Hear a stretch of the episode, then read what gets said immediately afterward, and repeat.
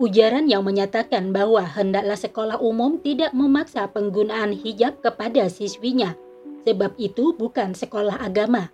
Semakin mengukuhkan posisi bahwa ada dikotomi antara pendidikan dengan agama.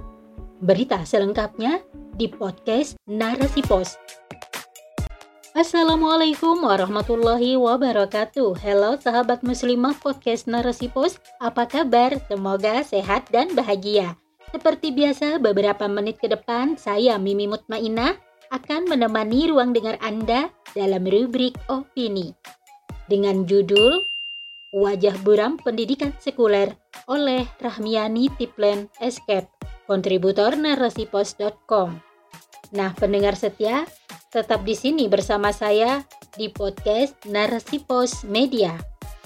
Narasi Pos cerdas dalam literasi media bijak menangkap peristiwa kunci. Ya Rob, betapa jauhnya umat ini dari syariatmu. Sampai-sampai aturan yang wajib pun dikesampingkan. Entah mau jadi apa negeri ini. Berharap Allah subhanahu wa ta'ala akan menurunkan rahmatnya. Namun di sisi lain, berpaling dari syariatnya.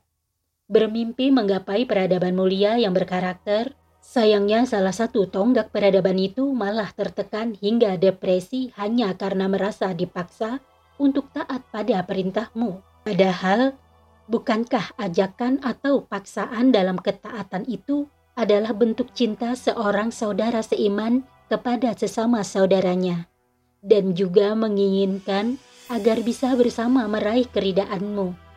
Alih-alih membentuk generasi bertakwa, justru syariatmu tentang hijab ya Rob kini dianggap sebagai penyebab depresi dan juga melanggar hak asasi manusia. Seperti pemberitaan media baru-baru ini yang menyatakan bahwa ada seorang siswi kelas 10 yang bersekolah di SMA 1 Banguntapan mengaku kalau dirinya dipaksa oleh guru BK di sekolahnya untuk mengenakan hijab. Buntut dari peristiwa itu mengakibatkan siswi tersebut mengalami depresi serta mengurung diri hingga saat ini.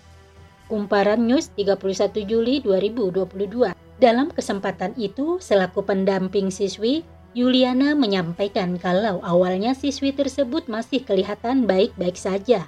Namun kemudian berubah menjadi tertekan setelah menemui guru BK-nya. Katanya, siswi tersebut belum mau berhijab dan itu kan hak asasi manusia. Detikcom 29 Juli 2022. Terkait hal itu, Kepala Distikkora Daerah Istimewa Yogyakarta Didi Wardaya pun ikut menyampaikan penjelasannya terkait dugaan pemaksaan jilbab tersebut. Dikatakan bahwa pihaknya saat ini tengah menelusuri informasi dan jika ditemukan ada upaya pemaksaan maka akan ada sanksi tegas. Pasalnya hal ini tidak sesuai dengan kebinekaan Kemudian ditegaskan pula oleh Kepala ORI DIY Budi Masturi yang mana pihaknya akan melakukan penelusuran terkait dugaan adanya perundungan peristiwa tersebut. Apalagi pemaksaan penggunaan jilbab itu dilakukan oleh sekolah negeri yang bukan berbasis agama. Demikian potret buram kehidupan generasi muda ketika aturan agama dianggap sebagai sebuah bentuk pemaksaan atas kebebasan berperilaku entah mau jadi apa masa depan peradaban negeri mayoritas muslim ini. Ujaran yang menyatakan bahwa hendaklah sekolah umum tidak memaksa penggunaan hijab kepada siswinya.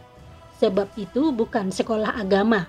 Semakin mengukuhkan posisi bahwa ada dikotomi antara pendidikan dengan agama. Betapa hari ini anak-anak kita telah berhasil dibentuk menjadi manusia sekuler yang tidak mengindahkan aturan ilahi pencipta diri manusia, adalah sebuah kenyataan yang sangat menyesakkan dada. Manakala melihat generasi muda, calon penerus masa depan peradaban Islam, namun di sisi lain enggan menjalankan perintah dari robnya.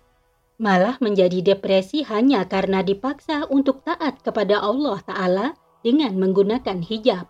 Bahkan katanya hal tersebut justru bertentangan dengan kebinekaan serta melanggar HAM.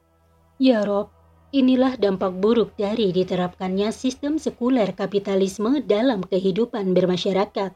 Sungguh sistem rusak ini telah berhasil mengubah pribadi generasi Islam hari ini menjadi pemuda-pemudi yang liberal dan tidak terkendali, jauh dari ketaatan kepada ilahi. Inilah wajah asli pendidikan kita hari ini yang menghasilkan output pendidikan hanya diukur dari seberapa besar kemampuannya dalam hal literasi dan numeris, serta seberapa besar serapan mereka dalam dunia bisnis. Tak dimungkiri, ini merupakan sebuah musibah besar yang terjadi di tengah-tengah umat Bagaimana mungkin seorang muslimah merasa terkungkung dan terintimidasi disebabkan oleh aturan dari sang penciptanya? Tentu ini merupakan pukulan telak bagi pendidikan hari ini yang membuktikan bahwa pendidikan ala kapitalisme telah gagal membentuk individu bertakwa. Bukan hanya itu saja, negara pun turut andil dalam hal ini, di mana negaralah yang menciptakan kurikulum sekolah dan negara pula yang menerapkan sistem sekuler kapitalisme sehingga tidak terwujud generasi bertakwa. Terlebih jika menilik peta jalan pendidikan 2020-2035 yang mengandung pro dan kontra. Sebab di dalam peta jalan pendidikan tersebut tidak ditemukan lagi adanya perasa agama. Maka jelaslah wajah pendidikan hari ini adalah buah dari pendidikan sekuler kapitalisme dalam Islam, pendidikan merupakan suatu hal yang sangat penting. Hal tersebut disampaikan dalam Al-Quran yang mana Allah Subhanahu wa Ta'ala akan meninggikan beberapa derajat bagi orang-orang yang berilmu. Bahkan, mereka pun digolongkan dalam generasi penerus para nabi. Rasulullah Shallallahu Alaihi Wasallam bersabda, keutamaan orang yang berilmu yang mengamalkan ilmunya atas orang yang ahli ibadah adalah seperti utamanya bulan di malam purnama atas semua bintang-bintang lainnya. Hadis riwayat At-Tirmidzi. Adapun dalam Islam, kedudukan ilmu sangat penting atau bisa disebut sebagai kebutuhan dasar, hajah asasiyah, dan harus dijamin oleh negara. Negara pun wajib menyediakan pendidikan gratis, terbaik, dan berkualitas bagi seluruh rakyat hingga pendidikan tinggi yang mana tujuan pendidikan dalam Islam adalah membentuk kepribadian Islam atau syaksiah Islamiyah. Maka sudah selayaknya sebagai makhluk ciptaan Allah Subhanahu wa taala, kiranya kita dapat menyelenggarakan pendidikan berbasis aturan Islam sehingga terbentuk generasi berkepribadian Islam lagi bertakwa. Generasi rida terhadap seluruh ketentuan robnya, sehingga melakukan segala ketentuan Allah tanpa bukan disebabkan keterpaksaan, apalagi sampai harus depresi. Justru mereka menyadari sepenuhnya bahwa dengan Islamlah segala kehidupan manusia menjadi lebih baik, sebab manusia mengetahui kewajibannya di dunia adalah untuk tunduk dan patuh kepada segala ketentuan Sang Pencipta. Allah Subhanahu wa Ta'ala berfirman, "Aku tidak menciptakan jin dan manusia." melainkan agar mereka beribadah kepadaku. Quran Surah Az-Zariyat ayat 56.